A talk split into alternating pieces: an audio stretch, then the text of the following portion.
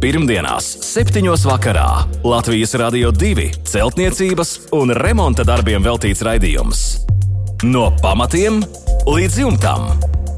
Ar padomiem un atbildēm uz klausītāju jautājumiem Latvijas Rādio 2 studijā - tehnisko zinātņu doktors, būveksperts Juris Biršs. Sveicināti, sveicināti laikā, kad pie jums dodas raidījums no pamatiem līdz jumtam. Studijā Inese un tehnisko zinātņu doktors, būveksperts Juris Biršs ir sagatavojis atbildes uz jūsu iesūtītajiem jautājumiem. Labvakar, Birškungs! Labvakar! Beidzot, vasara mums ir pagriezusi savu saulaino vaigu. Tas nu, vien priecē. Bija apnis, tā zaļā zīme bija aprikusi. Jā, galīgi. tiešām, tiešām tā tas ir. Un raugi Jāņi jau arī tepat pie durvīm mums ir pieklāvējuši, un Latvijas radio divi jau sāk skanēt līgo dziesmas. Jā, jā pareizi. Un arī mūsu programmā noteikti mēs ietversim kādu līgo dziesmu, bet vispirms gan ir tā rūpīgi jāpastrādā. Un šovakar sāksim mēs ar baibas vēstuli un jautājumiem. Viņa ir iecerējusi būvēt 50 km2 lielu saimniecību sēku nu, kurā ziemā arī varētu darboties un ēka būtu apkurināma. Un šīs ēkas grunts ir divi metri smilts, dziļāk ir māls. Un Baiva jautā, kādu un no kādiem materiāliem veidot jūs ieteiktu pamatu konstrukciju šādai saimniecības ēkai? Jā, nu, es domāju, ka uh, šis jautājums uh, tiešām ir, ir diezgan plašs. Viņu var apcerēt dažni dažādi bet uh, pieturēsimies maksimāli īsi. Ja? Tātad, tas nozīmē, ka pirmkārt lau, laukums ir mazs, 50 kvadrātmetri. Tas nav sevišķi daudz, priekš saimniecības ēkas. Grunts ir brīnišķīgi, ja? divi metri smilts un, un dziļāk ir māls. Tas nozīmē, ka uh, sarežģījums neradīs. Praktiski var jebkura tipa pamatus varētu pielietot. Nu, šeit viss izšķir tas, cik mēs gribam pamatīgi būvēt un uh, kādas mūsu finansiālās iespējas. Nu, noteikti ja? izmaksas, un mūsu Jā. laikos jau izmaksas tomēr mēs zinām ir nu, stipri sāpīgas, un tāpēc droši vien tikai sāpīgas, viņas ir augošas. Jā, jā sāp, sāpīgi savu. augošas. Nu, diemžēl tas tā ir, visi covidi un kari un viss mums iedzen dzen postā. Protams, tāpēc es gribētu varbūt tās apgriezties momentā un, un brīdināt baibu, ka ir iespējami vismaz ir trīs gadi. Un pirms visiem šiem trīs gadiem ir dažādi pamati. Tātad pirmais ir, ka mēs gribam ļoti kapitālu taisīt mm, ēku, mūrēt no, no, teiksim, no sīkblokiem vai no, no pana, no, teiksim, no sīkblokiem. Gribam mūrēt un, un, un gribam kārtīgus dzelzbetonu pamatus veidot, nu tad var runa būtu par uh, lentveida pamatiem, bet šie lentveida pamati ir vesels, milzīgs betona daudzums, kas tiek norakts. Ja, un tik labā gruntī man roka neceļās ieteikt šādus pamatus. Tāpēc uzreiz varētu teikt, ka šie pie visiem gruntīgākiem apstākļiem es ieteiktu ik pa trīs metriem stabiņu. Nu, vai no nu, apaļas formas vai, vai kantainas formas, teiksim, 25, 25, 30 vai 30, nu, sliktā gadījumā 20, 20. Apmēram šādu izmēru betona stabiņus vienkārši rokam līdz nu, pusotru metru. Nu, Tātad gandrīz līdz mālam, ja? gandrīz līdz mālam jāizrok. Un tad mēs pildām šos stabiņus, jeb arī speciāli šodien ir iespējams izīrēt urbjošas mašīnas, kas mums izurb šādas. Un, teiksim, viņas pēc tam piepilda ar, ar, ar betonu. Nu, Tātad ik pēc trīs metriem, un augš, augšējā pusē mēs liekam virsū dzelzbetonu. Tātad no betona vai dzelzbetona nozīmē stiegrots liekam virsū joslu. Tikai joslu, kas nedaudz, nu, teiksim, 5 cm dziļāk iedziļinājās gruntī un vairāk dziļāk neiet. Un tā pa apkārt tādu uzliekam. Tā būtu ļoti pamatīga pamata konstrukcija, kur, mēs, kur pēc tam mēs varētu piepildīt ar siltumizolācijas materiālu, teiksim, piemēram, ar, ar, ar keramzītu granulām, un veidot grīdu, un tad sienas mūrēt, tā tīrā grīda būtu mazliet augstāka nekā, nekā tas, kuras sienas pamatā. Nu, tad, tad, tad tā būtu tā pirmais smagākais gadījums. Otrs ir, ka mēs vienkārši es, varbūt, gribam uh, aizstāt šo mūrētu ēku ar koku ēku. Ja? Mēs varētu veidot samērā vieglus pamatu, pamatus, kas jau cilvēkiem ir ticams, ka kokam būs mazāks tas tā masa. Un veidojam karkas kokēku, kur pēc tam varam moderniem siltumizolācijas materiāliem, teiksim, teiksim, nu, 20 cm biezumā, veidot šādu karkasu un kur pēc tam var apšaut gan no ārpuses, gan no iekšpuses, ja ir nepieciešamība kaut ko tālāk darīt. Un tad šādiem apstākļiem mēs varam izma izmantot tos pašus stabiņus, tikai šie stabiņi varētu būt vēl vienkāršāk. Ja, tātad, vai nu mēs izmantojam šos koku stabiņus, un tas ir betona, betons, nekāda gadījumā koku stabiņus, tad betona stabiņus.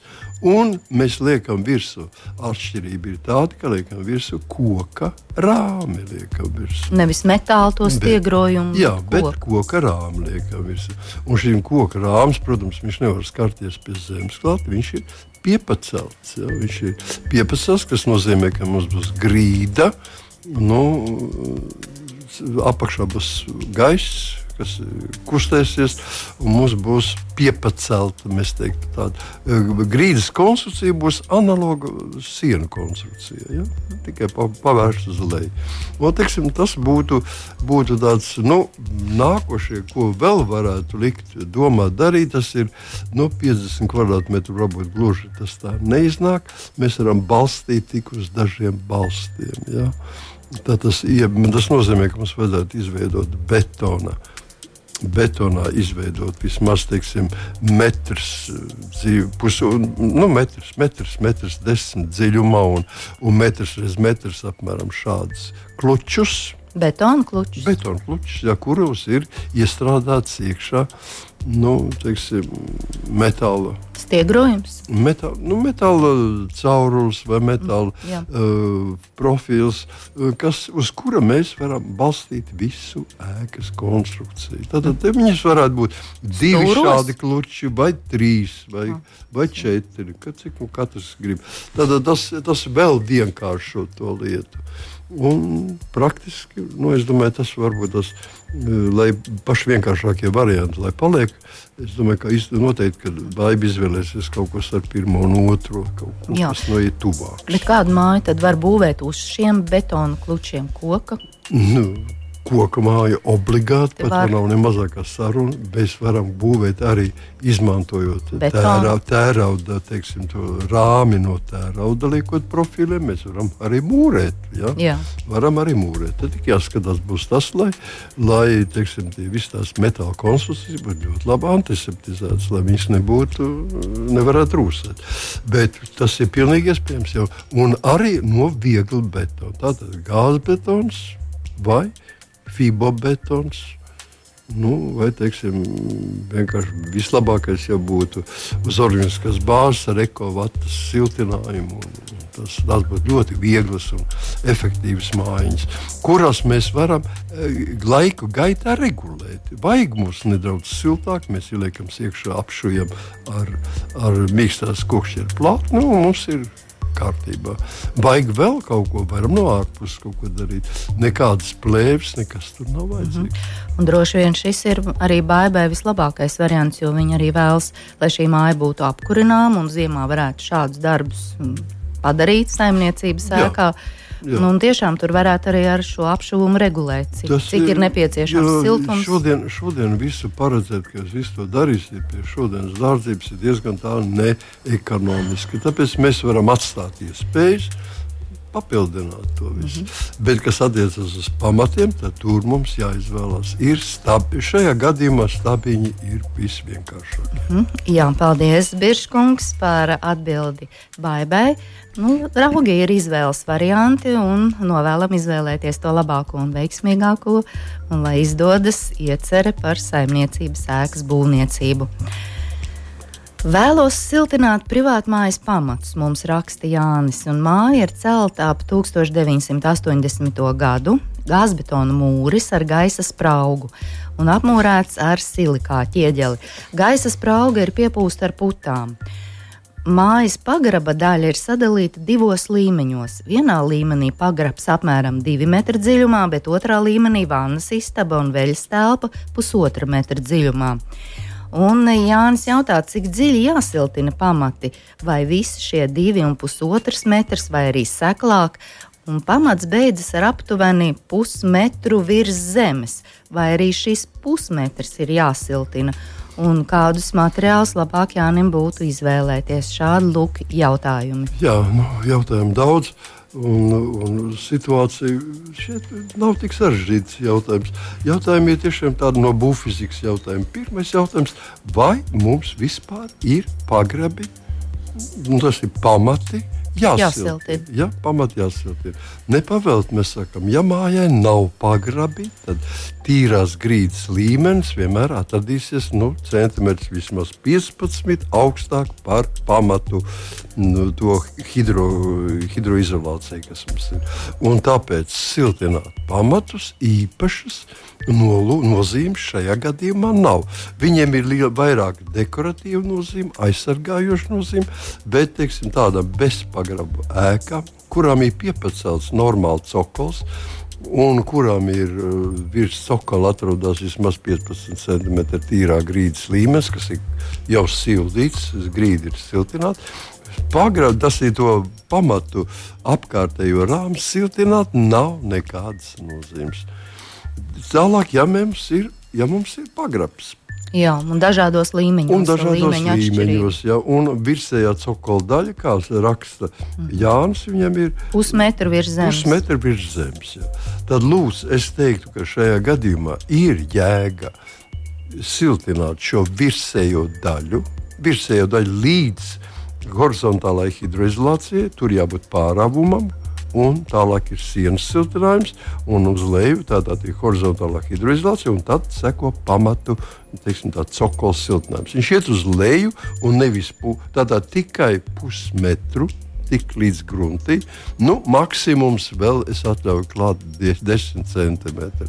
Tas nozīmē, ka 60 centimetri garumā mēs Um, to, to veidojam šo siltinājumu, un tālāk viņam nav nekādas vajadzības. Jo tālāk seko pagraba siena. Un pagraba siena, kā mēs zinām, latvieši būvē pamatīgi, un vismaz centimetrus 20 vai 30, parasti tikpat biezs, cik ir siena. Tāds tais pamats, un tas ir no betona lielākoties. Un tas ir priekšā. Ja mēs arī siltinātu to pamatu, ārēji, ārē, ārpus siltinātu līdz pašai pamatpēdai. Nu, nedodies vēl, vēl, vēl teiksim, pēdu pašu, bet līdz pašai pēdai mēs siltinātu. Ko mēs panākam? Praktiski neko. Tāpēc, ka mums būtu 20 centimetri pagraba siena, jau nu, jāmēģina uzturēt siltu. Tad viņai vismaz kaut ko mm, turētu uz pretī. Protams, tas nav slikti. Tas samazina siltuma patēriņu, par to nav ne mazāko šaubu, bet tas nav tik daudz, lai mēs to varētu skaitīt kā jūtamu ietaupījumu. Es teiktu, ka līdz apmēram 10-15 cm zemes zemes tas ir maksimums. Tālāk, ja mums ir pagrabs, mēs siltinām, varam siltināt pagrabu no iekšpuses. Nu, tad mēs iegūstam momentā. Mums nav jāuzsilda šī siena. Jūs tādas priekšā mums ir pagrabs, kurš ir teiksim, vispār nav siltināts. Nu, tas nozīmē, ka mums tagad sildām pagrabas sienu. Un, un mēs, un ja mēs, esam, mēs esam no ārpuses siltinājuši, tad mēs sildām pagrabu sienu līdz siltuma izolācijai. Tā kā visa siena jau uzsildīta, ir bezjēdzīgi uzsildīta, ja, tad mums sāk darboties siltuma izolācija un saka, vairāk nē, vairāk nē, ja, tad viss kārtībā. Bet tāpēc, ko mēs darām, mēs sildinām, siltām sildinām pagrabu no iekšpuses ar plānu, teiksim, 3 cm biezs, mīksts kokšķiet plāksni, piemēram. Vai, teiksim, ar 3 cm biezs putu polistīro plāksni, kur pēc tam apmetam. Ja? Un tas nozīmē, ka mums ir mēs veidojam sienai ļoti spēcīgu siltuma pretestību. Siltuma pretestību. Mēs nekādus siltumus neražojam ar siltumizolācijas materiālu. Mēs tikai veidojam šķēršļus, kurus mm -hmm. ļoti grūti reālam siltumam pārvarēt. Un tāpēc šī telpa pēkšņi nedos siltumu vairāk tik briesmīgi šī, šai pagrabas sienai, bet viņa ātri uzsils. Nu, paliks iekšpusē, viss paliks siltums, iekšpusē. Ja jums tas liekas par maz, vai tas ir vai nepieciešams ne tikai darboties, bet arī tur, teiksim, nu, atrasties cilvēkam ilgāku laiku, tad mēs varam to palielināt. Nu, jā, tā kā šeit ir eh, vannas istaba un veļas telpa, nu, tur noteikti jā, nu, jābūt siltākām telpām. Jā, nu, bet, teiksim, nu, tur jau arī tā, bez tās telpas eh, cilvēks tur neuzturās stundu stundām, nu, stundu, dažas stundas, ja, bet nevar, neuzturās diennakti. Tas nozīmē, ka e, īsts plāns siltinājums no iekšpuses seks to diskomforta sajūtu, kāda jums būtu, ja vispār netiktu siltināts. -hmm. Un vēl jautājums, e, šis metrs, tātad pusmetrs e, ir jāsiltina šis cokols, Jā. bet ar ko? Ar ko, nu, ar ko jūs ieteiktu? Nu, redziet, par cik runa iet tikai par cokolu.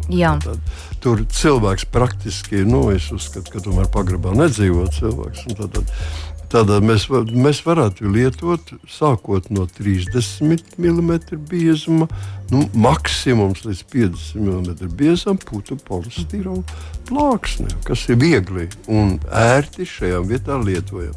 Lietot akmens vati Es teiktu, būtu nu, vienīgais tajā gadījumā, ja putekļi polistirols ir lētāks. Tad, jā, tad mm -hmm. var. jā, un pēc tam apstrādāt šo putu polistirolu. Pēc plāsnes. tam putu polistirolu mēs liekam, līmējam virsū sietiņu un apmetam. Tāpat tas arī jau ir vate. Mēs jā, dekoratīvu apmetam. Dekoratīvu apmetam un krāsojam. Un viss ir kārtībā. Jā. Jā, paldies par atbildi Jānim. Pirmdienās, 7. vakarā Latvijas Rādio 2 celtniecības un remonta darbiem veltīts raidījums. No pamatiem līdz jumtam. Ar padomiem un atbildēm uz klausītāju jautājumiem Latvijas Rādio 2 studijā - tehnisko zinātņu doktors, būveksperts Juris Biršs. Turpinām rādījumu ar Ruslana jautājumu par pašgatavotu vieglbetonu ar putu polisterolu bumbiņu pildījumu. Ruslans grib pats šādu materiālu izgatavot, un uh, bumbiņas būtu piedeva, kas piesaista betonā gaisa burbulīšus, lai tādējādi varētu pagatavot šo vieglu un siltinātu betonu. Vai šādu piedevu, kas uzputo betonu, var iegādāties, vai arī pats var pagatavot, varbūt ir kāda cita metode? Jautā Ruslans. Ko jūs teiksiet, Virškungs? Nu, teiksim, tās jautājums katru dienu nerodās. Jā, jā tāda sarežģīta ķīmija. Lielākoties tas materiāls ir ļoti pazīstams. Un, un teiksim, varbūt tas eh, pie mums ir mazāk par cik Mēs saskaramies diezgan lielā ar dažādām problēmām, veidojot šādas uzpūstas, viegli, nu, teiksim, vie, viegli betonu, kas ir panākts ar uzpūšanas metodu. Šeit ir divas metodas. Ir. Betonu var gatavot. Tātad mēs izgatavojam betonu paši par sevi un izgatavojam putas kurām mēs izmantojam tātad, teiksim, ūdeni, izmantojam put, uzputošanas līdzekli, rītīgi uzputojam tos putus un sajaucam lēnām ar betonu maisītāju kopā. Betonu ar šīm putām mēs Tā. iegūstam lūdzu, tādu teiksim, vieglu, vieglu betonu. Un mēs varam iegūt arī uzreiz smilšu cementu, kas pamatsastāvdaļas maisot kopā ar uzpūtošanas līdzekli, ja, un mēs iegūstam uzreiz arī tādu diezgan jūtams, teiksim, nu, rekordisti varētu būt kaut kur tuvu pie 100 kubik, atvainojos 100 kg kubikmetru, bet tas tie no ir rekordi.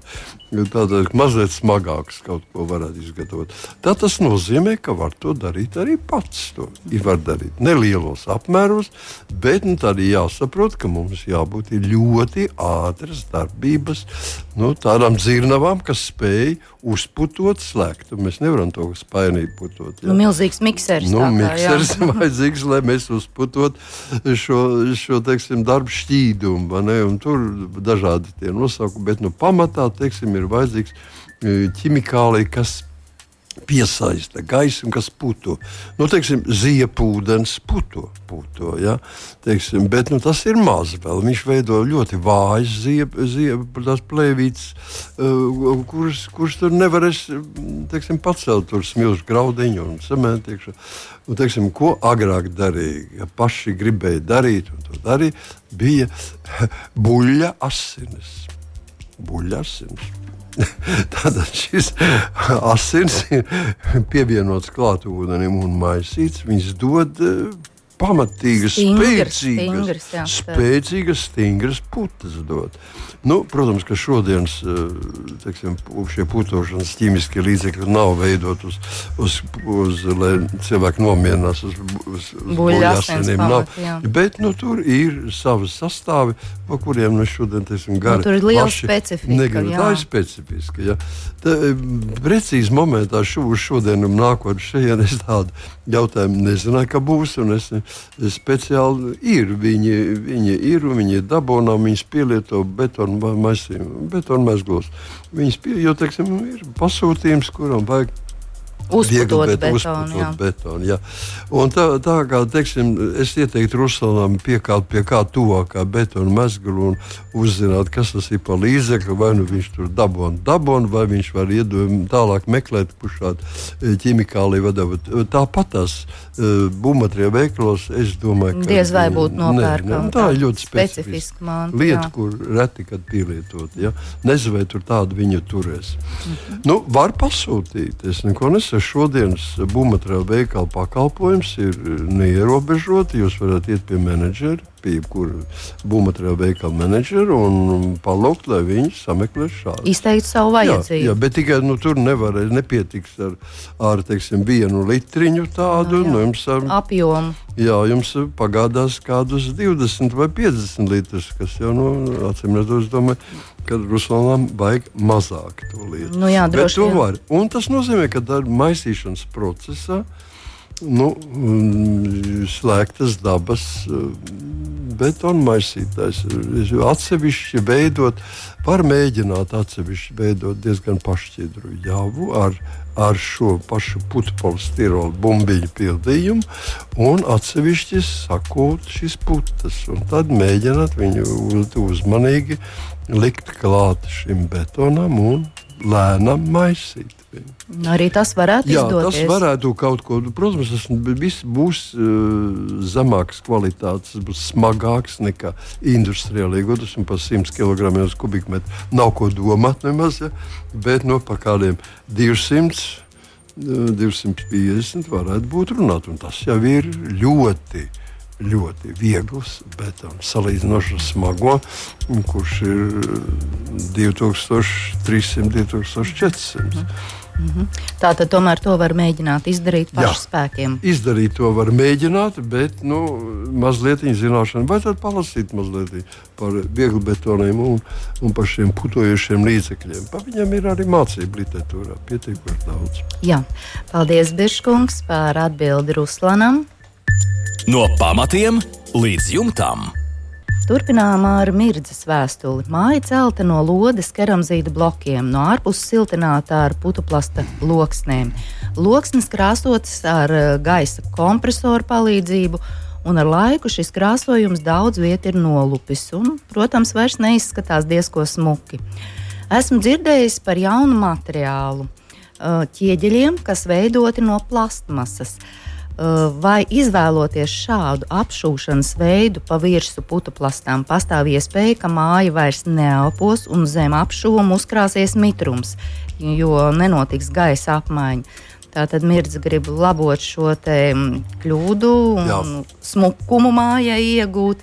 Es teiktu, ka šeit ir uh, mazliet virzē jāsaprot viena lieta. Tas, ka māja ir tikai apdarināta no ārpuses, siltināta putekļa sloksne, kurš, ir, kurš nav aizsargāts, kurš tikai ar krāsu ir. Jā, kompresoru tātad zem spiedienu uznest krāsu. Loksnes vienalga, tātad ekstrudētas putu polistirola loksnes, HPS, tātad XPS, tātad šīs loksnes, viņas nav atmosfēras izturīgas. Arī mūsu Latvijas saulē viņas sabrūk un noveco, ļoti spēcīgi noveco. Un tā kā eh, viņš pašreiz dotajā momentā viņa, eh, nu, tiek, viņas ir nokrāsotas, bet tik un tā saules ultravioletes stari, kas ir viskaitīgākie šim materiālam, klāt tiek. Tāpēc man ir aizdoms, vai drīkst šo uh, ķieģeļa imitācijas materiālu. Jā, tāds ja? plastikāts materiāls, ķieģeļa imitācijas. imitācijas materiāls, ko plānās plāksnīties, var līmēt ar, ar īpašām līmēm klāt. Uh, pie, pie šī materiāla, siltumizolācijas materiāla, būtu vispirms jāpārliecinās, vai šī virsējā kārta ir pietiekoši, nos, sakot, pietiekoši stingra. Vai viņi to var atļaut? Ja teiksim, šī, šis putekļs e, ir jau vairākus gadus, es ieteiktu viņu vai nu mainīt, Jo, eh, redziet, lietas būtība ir tāda, ka kad, um, mēs jau varētu viņus, tas būtu visprātīgākais, vienkārši ņemt no ja mums šāds materiāls patīk un uh, pirkt šīs ķieģeļa imitācijas, kas jau ir uzstrādātas uz putu polistirolu plāksnēm. Un tās stiprināt klāt, kā stiprina putu polistirolu plāksnes. Jautājums ir, mirdzes jautājums ir mazliet savādāks. Es, es saprotu, ka jautājumi baidās par to, ka nelaidīs saka neelpos mhm, siena. Mirzē jāsaprot, ja viņa visu laiku ir dzīvojusi ēkā, kur ir apšūta ar polistirolu un elpošanai pietiek, tad nekas vairāk nemainīsies. Jo šīs imitācijas plāksnītes netiek liktas viena otrai blakus. Viņas veido šuvi. Viņas obligāti viņam jāveido šuve, lai paliktu šī iespēja notikties kaut kādam gaisa gāzu, gaisa un ūdens tvaika apmaiņai. Jā. Tas ir nu, obligāti vajadzīgs. Bet es vairāk baidos par to, vai šis putu, putu polistirola eh, substance ir pietiekoši spēcīga, lai viņi varētu turēt. Noturēt, jā. jā. Mm -hmm. Tas ir jāpārbauda. Ja to var, tad lūdzu, to var darīt. Mm -hmm. Saglabājot šūnas. Un pēc tam, kad viss darbs ir izdarīts, mēs visu gan plāksnītes, gan šīs šuves, kuras atsevišķi tiek aizpildītas jā, teiksim, ar krāsainu, fūgas, fūgas materiālu. Un tad pašā nobeigumā visu apsmedzinām ar hidrofobizējošu materiālu, lai atgrūstu ūdeni. Un tad zināma gaisa un ūdens laika apmaiņa var notikt. Mhm. Jā, paldies, Biržkungs, par atbildi mirdzē, un vēl noslēgumā uģi jautājums. Un redz tādu interesantu situāciju. Kaimiņu celtnieki lielā vējā grieza siltinājumu putuplasta plāksnes, un rezultāts sīkās putuplasta daļiņas tika iepūstas manā dārzā rakstuģis. Vai šīs putuplasta daļiņas ar laiku augsnē nesadalīsies un neveidos arī indīgas vielas, jo dārziņā tiks audzēti gan augļi, gan dārzeņi? Nu, un Jurim uztraukums putuplasts dārzā. Nu, es teiktu, ka tā nav laba lieta, un kaimiņi Nu, vajadzēja par to padomāt. Galu galā pie visiem eh, zāģējušiem materiāliem var pievienot klāt industriālu putekļu sūcē. Ja? Mm, tas, jā. protams, ka ir kaimiņu celtnieku nolaidība. Eh, sevišķi vēl viena laika. Un, jo mums ir jāsaprot, lai mēs arī sakām, lai tikko mēs teicām, ka putekļs, stīrola uh, materiāls uh, neiztur saules ultravioleto starojumu, un viņš iet bojā. Nu, visi šīs, šie putekļu veidi un zāģes, zāģes skaitīņas, skaidiņas, kas ir izplatījušās dārzā, visas jau viņas nestāvēs virsmā. Ja kādai virsū būs iejauksies grunti, un tad viņas ir stingrāk iztur. iztur ja, teiksim, mēs varam uh, noņemt teiksim, kaut kādu apmetumu slāni no vecas sēkas un atradīsim arī desmit gadus, divi 20 gadus jau esošu nu, daļēji sadalījušos, bet tomēr vēl esošu putu polistirolu. Tāpēc praktiski viņš ir ļoti grūti sadalās. Un uh, nav jābaidās uz to, ka viņš ātri sadalītos un saindētu kaut ko. Tas nav. Lielāks, vislielākais nepatikšanas ir tas, ka teiksim, kāds putniņš var, vai, vai suns, vai kāds dzīvnieks viņš var vienkārši mehāniski paņemt mutē. Un, teiksim, mēs atrodam ļoti daudz dzīvniekiem dabā, zivīm, teiksim, ūdeņos. Mēs atrodam mhm. kuģīšu plastikā daudz. Viņš uzklausīs kā liekas plastikāts. Un, teiksim, tajā tādā ātrumā, kā būvniecības materiāls, viņš ātri noveco un zaudē savas īpašības. Bet tas nenozīmē, ka viņš visā pilnībā pazūd. Mm -hmm. Tikai ļoti spēcīgā saulē viņš teiksim, divu sezonu laikā varētu pilnībā sabirst kā tāda dzeltena putekļi. Ja? Bet arī šis no tā nav jābaidās. Viņš ir teiksim, grunti iestrādājies un viņš neveidos teiksim, ir vissliktākais variants. Ir tad, ja viņš dabūna uguni, ja, tātad degot un savienojot, un pēc tam vēl šie sadegšanas produkti, ja nonāk ar eh, kontaktā ar ūdeni, tad ir slikti. Pat tad veidojas benzopirēni un tam līdzīgas ļoti e, toksiskas vielas. Mm -hmm. Nu, katrā ziņā tātad šajā vietā uģim nekādā gadījumā nevajadzētu ugunskura vietu ierīkot. Nu, Gan arī es neticu, ka tik daudz ir iekšā. Vienkārši, nu, vienkārši ja var, teiksim, viņi vajadzētu. Nu, virskārtu noņemt, kur redzams jā. ir, vai arī iestrādāt pie maksimāli dziļi. Mm -hmm. Nav jābaidās, ka teiksim, tur uh, augļos vai dārzeņos parādīsies kaut kādi. Taisnība otrādi dzīvā organismā, jā, tur iekļūstot mehāniski, viņš var sadalīties. Tur ir skābes, ja palakts. Nu, jā. Jā, Biržkungs, paldies par atbildi Uģim. Līdz ar to šovakar mūsu raidījums tojas izskaņai, un noslēgumā atgādināšu mūsu e-pasta adresi remonds at lr2.lv. Sūtiet savus jautājumus par būvniecību, par remontu darbiem, pievienojiet fototēlus. Un kā alaža jautājumus varat iesūtīt, izmantojot arī mūsu Latvijas Radio 2 mājaslapu un klausieties mūsu populārākajās podkāstu straumēšanas vietnēs un platformās. Lai jums mierīgs, jauks un izdevies vakars, un tiekamies pēc nedēļas! Visu labu! Pirmdienās, 7. vakarā Latvijas Rādio 2 celtniecības un remonta darbiem veltīts raidījums. No pamatiem līdz jumtam.